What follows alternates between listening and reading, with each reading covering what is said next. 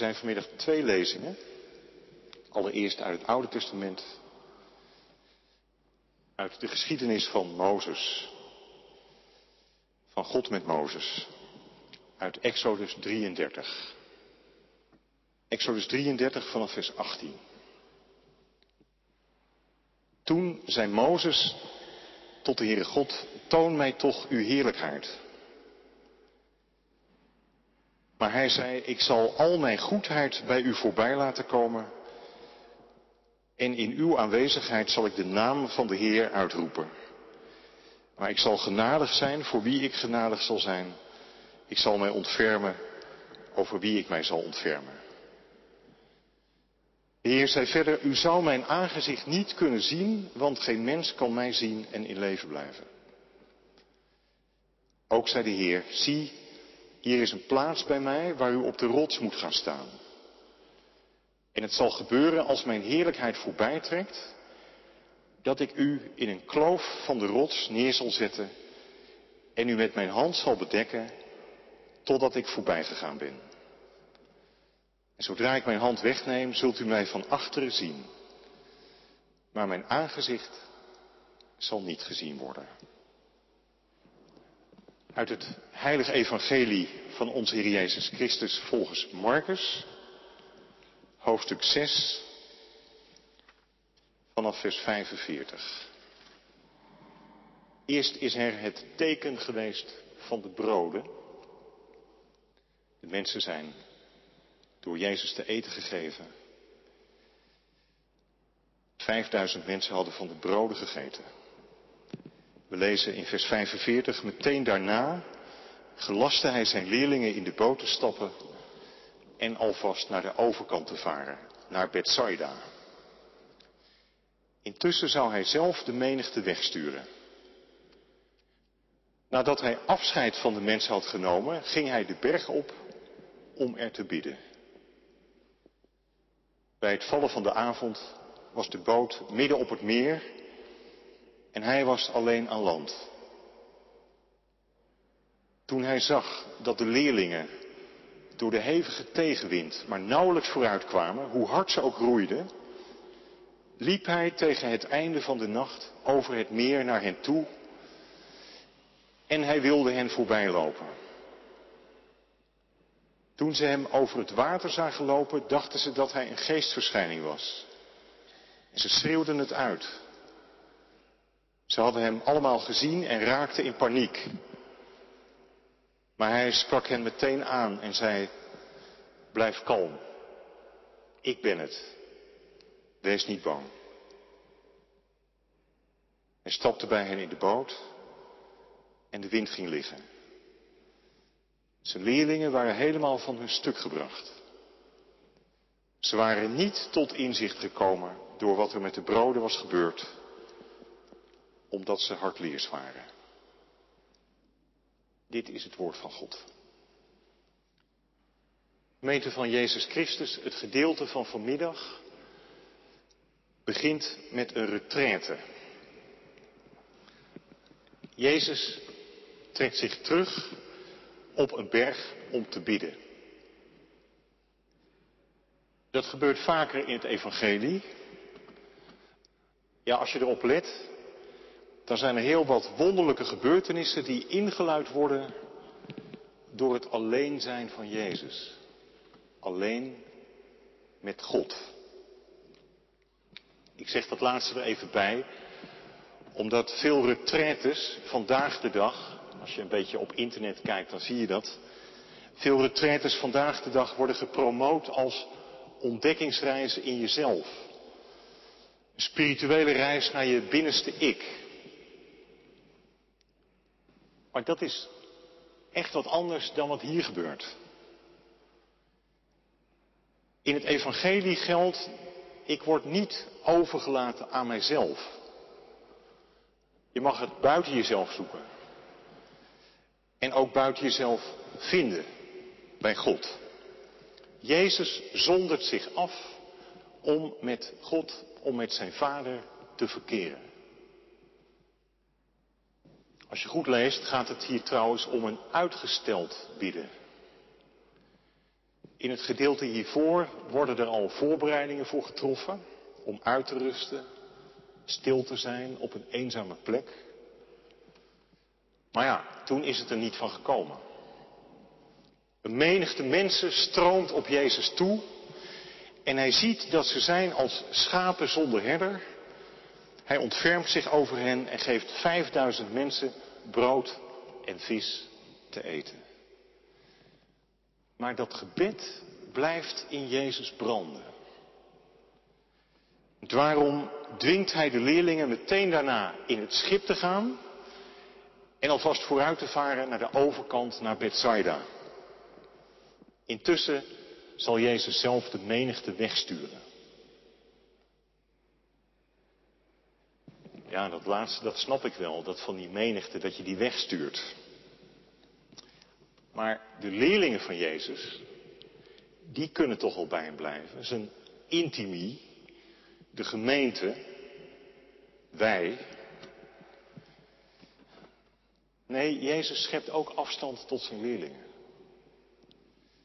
Hij dwingt ze, staat er, in het schip te gaan.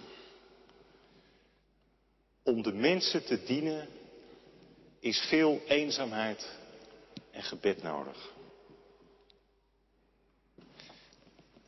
Ja, maar zullen wij hem dan wel terugzien? Hoe moet hij dan bij ons komen? Worden wij dan ook niet als schapen zonder herder? Ga nu. En dan eindelijk is het de berg, zijn berg, de eenzaamheid van het gebed. In dat beeld van Jezus in gebed op de berg zit een associatie met Mozes. We lazen straks Exode 33. Mozes was ook op de berg bij God. Als je het evangelie leest, schemert dat er steeds doorheen. Jezus is de nieuwe Mozes. Denk ook aan de verheerlijking op de berg die straks zal volgen. Misschien is hier wel sprake van een voorproefje van die verheerlijking. In ieder geval, Jezus is hier alleen, op het land, op de berg. Na hemelvaart zou je kunnen zeggen in de hemel. En de leerlingen zijn daar, midden op het meer, midden op de zee. En de avond valt en de wind steekt op. Een hevige tegenwind overvalt hen. Zo stil als het bij Jezus is, zo onrustig is het bij zijn leerlingen. Heen en weer geslingerd door de golven. Hoe hard ze ook roeien, ze komen niet vooruit. De wind, de animo staat er letterlijk, is hen tegen. En ze pijnigen zich, ze beulen zich af om vooruit te komen. De zee, het water. Weet je, in de Bijbel, in de Bijbelse taal, is het de macht die je dreigt te overmeesteren. Het water dat staat voor de chaos, voor de macht van de dood. Het is de hopeloosheid die dreigt. De mogelijkheid van de ondergang. De leerlingen zijn midden op zee, midden in de nacht en niet in staat vooruit te komen, wat ze ook doen. Het moet een gevoel zijn van totale vervreemding. Meent een boot met aan boord Jezus leerlingen. Is dat niet ook het beeld van de kerk? Van de gemeente van Jezus Christus? Ook in onze dagen. Zo is dit gedeelte ook vaak gelezen. We zijn versterkt. We hebben van de broden gegeten. We hebben van de vrede geproefd. Maar nu, midden op zee. De wind is tegen en het is donker. Er wordt geroeid, er wordt gezwoegd bij het leven, maar er is geen voortgang. Het stagneert. Om het wat concreet te maken, gemeenten worden kleiner, Kerken gaan dicht. Mensen haken af. En je denkt, is het eigenlijk geen dwaze onderneming? Onbegonnen werk. Vruchteloos. Nog even en je wordt lam geslagen door een gevoel van moedeloosheid, door een geest van bedruktheid. Zal het nog wel doorgaan? Ik hou het niet meer vol. Hoezeer we ons ook afpeigeren.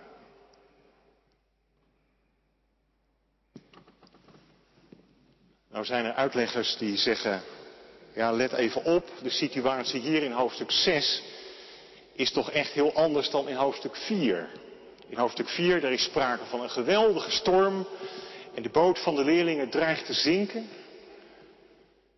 Hier is dat niet zo. Hier is tegenwind, malaise, stagnatie. Hier leveren de leerlingen een uitputtingsslag met de natuurkrachten in de nacht. Oké, laat dat verschil er zijn. Maar des te opvallender is het dat Jezus hen ziet.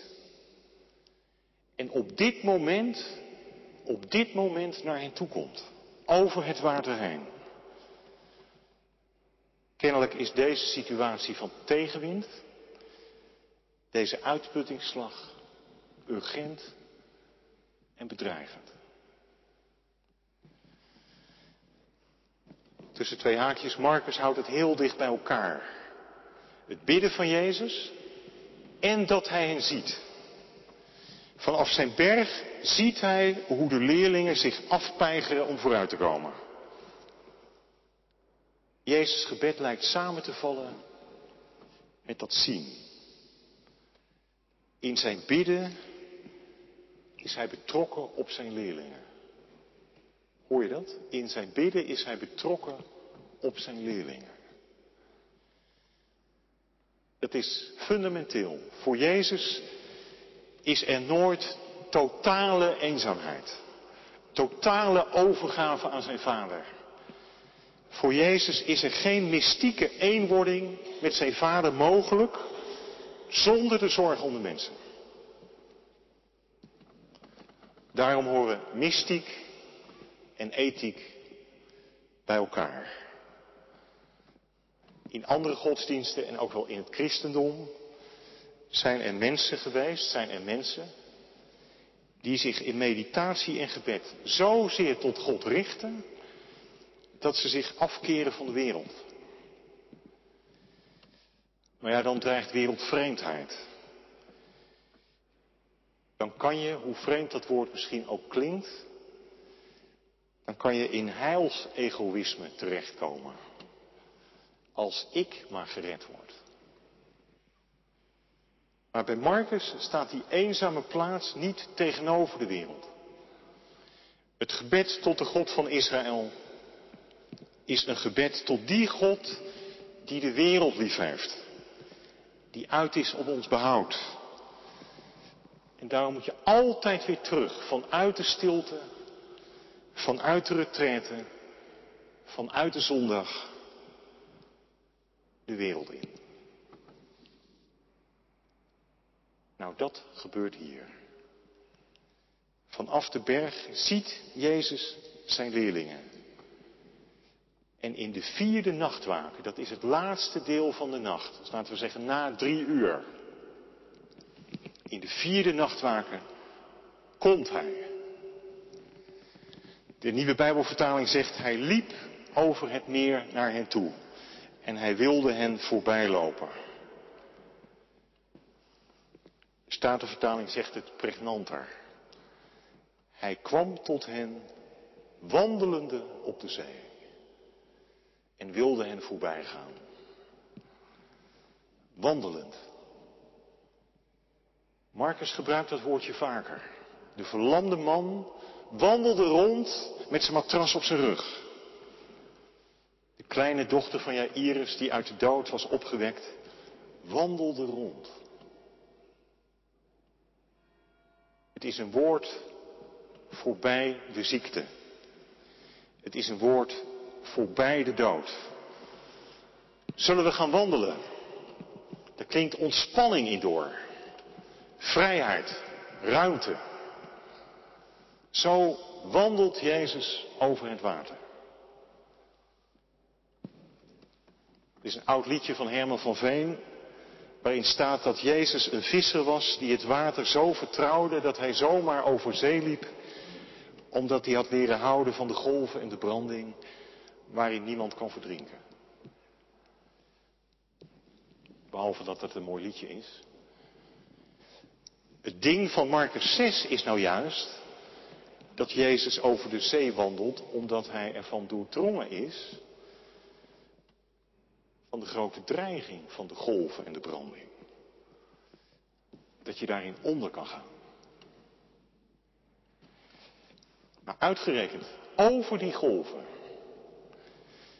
over datgene wat ons wil overmeesteren, over wat ons angst en ontzetting inboezemt, wat je bedreigt, wandelt Jezus. Uitgerekend over die golven. Over wat ons angst en ontzetting inboezemt. Wat je bedreigt. Wandelt Jezus. En hij loopt er niet overheen. En hij slaat het niet over. Maar hij laat ons zien dat het voortaan niet telt. En dat wij juist daarin achter hem aan zullen wandelen. Met hem mee mogen wandelen. Een kostbaar woord is dat. Wandelen. Een vrolijk woord ook. Van ontspanning voorbij de ontzetting. Het is puur opstandingsleven. Het is puur Pasen. Een overwinning op de dood nog voor de dood helemaal overwonnen is. Dat je zo door het gebed met God verbonden bent. Dat niets daarmee tussen kan komen. Geen dood, geen macht, geen tegenwind. Wat Paulus schrijft, niets kan ons scheiden van zijn liefde. Niemand kan de schapen rukken uit de hand van de goede herder.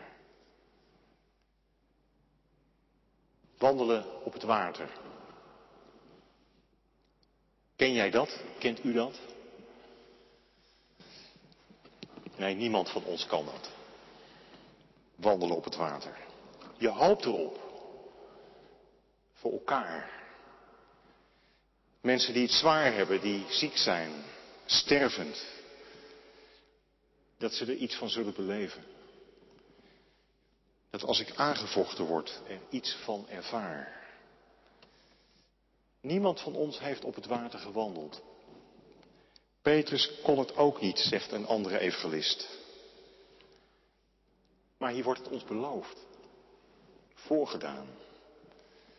Leven voorbij de angst. Voorbij de dood. In de vrijheid van de kinderen van God. En nou staat er ook nog dat Jezus de leerlingen voorbij wil gaan, voorbij wil lopen. Wat betekent dat? Wil Jezus als gids opnieuw voor de leerlingen uitgaan en hen de weg wijzen?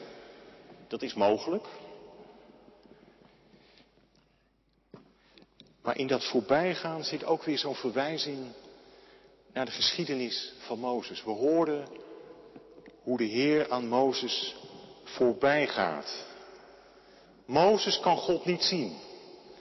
Hij kan God niet vasthouden. Maar hij is er. Hij gaat voorbij. Dat klinkt hierdoor. Zoiets wordt bedoeld. Je proeft iets van majesteit en heiligheid. Hij die ver is, is heel dichtbij. Gij zijt voorbij gegaan, een voetspoor in de zee. Jezus komt om de leerlingen te bemoedigen. Ja, alleen het tegenovergestelde gebeurt. De leerlingen zetten het op een schreeuwen als ze de gestalte zien op het water. Ze zijn in paniek, alle controle kwijt. Ze houden Jezus voor een geestverschijning, voor een spook. Ik vroeg me af, zou dat, zou dat ook vandaag kunnen gelden? Dat het ons moeite kost om Jezus te herkennen. Dat het ons moeite kost om Jezus aan het werk te zien. Soms zien wij alleen maar spookbeelden. Over waar het naartoe gaat. Met deze wereld. Met de kerk. Misschien met je eigen leven. Over wat er aan de hand is. Over wat waar is en goed is. Het lijkt wel alsof alles wankelt en glijdt. Alsof er niks meer vaststaat. Komt geen stap meer verder. Maar kijken we wel goed? Zien wij in alle verwarring en in alle emotie nog wel dat Hij op ons toekomt?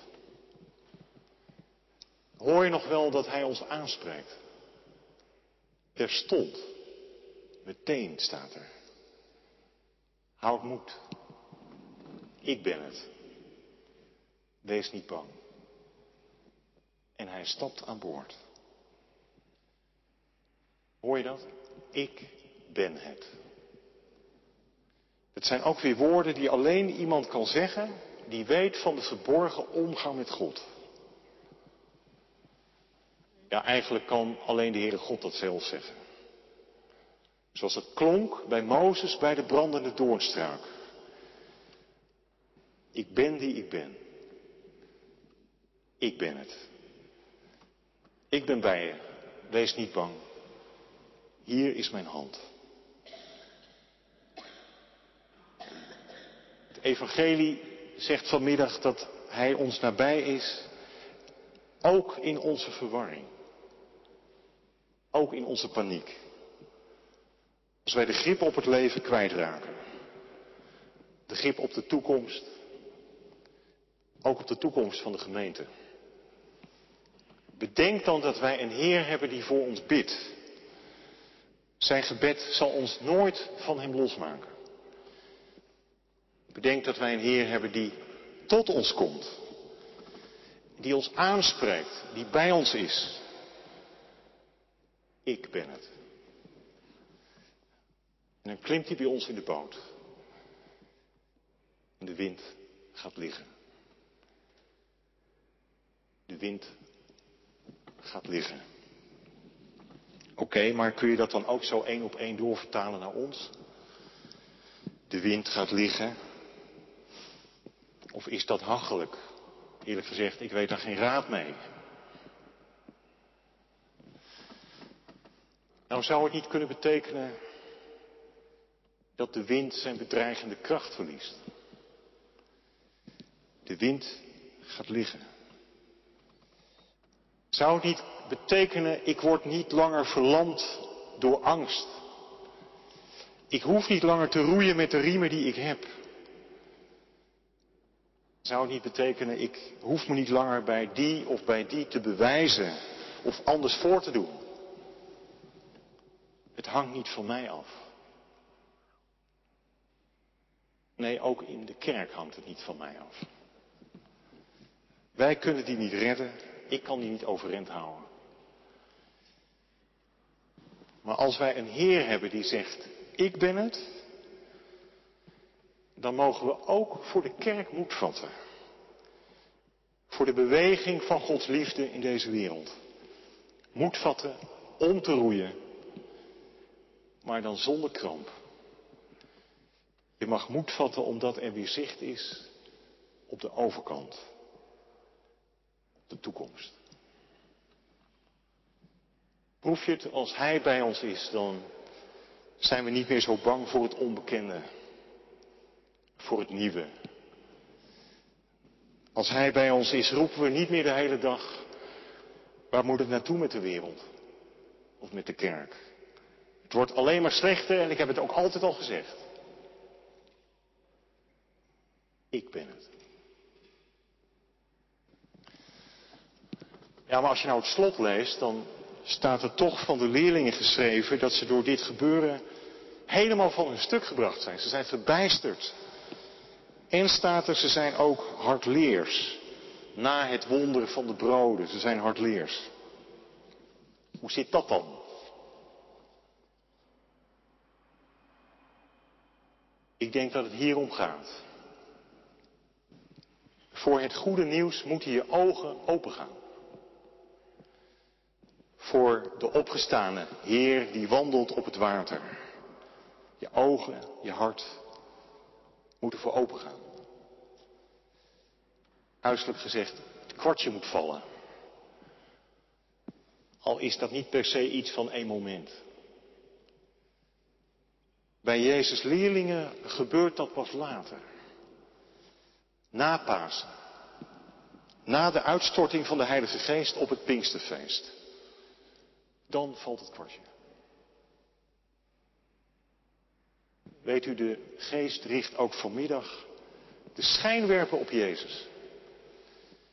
Zodat ik iets in Hem ga zien. Zodat hij kostbaar voor me wordt. En ik al luisterend word meegenomen in de beweging van zijn liefde en vrede, de beweging van zijn koninkrijk. Met die verwachting zijn wij toch hier gekomen, dat dat gebeurt. Daar is de geest op uit. Dat ik er mijn hart aan ophaal, dat ik me erdoor laat dragen, me eraan toevertrouw, eraan vastklamp misschien.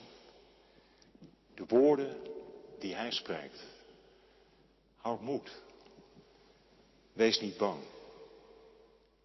Ik ben het. Amen.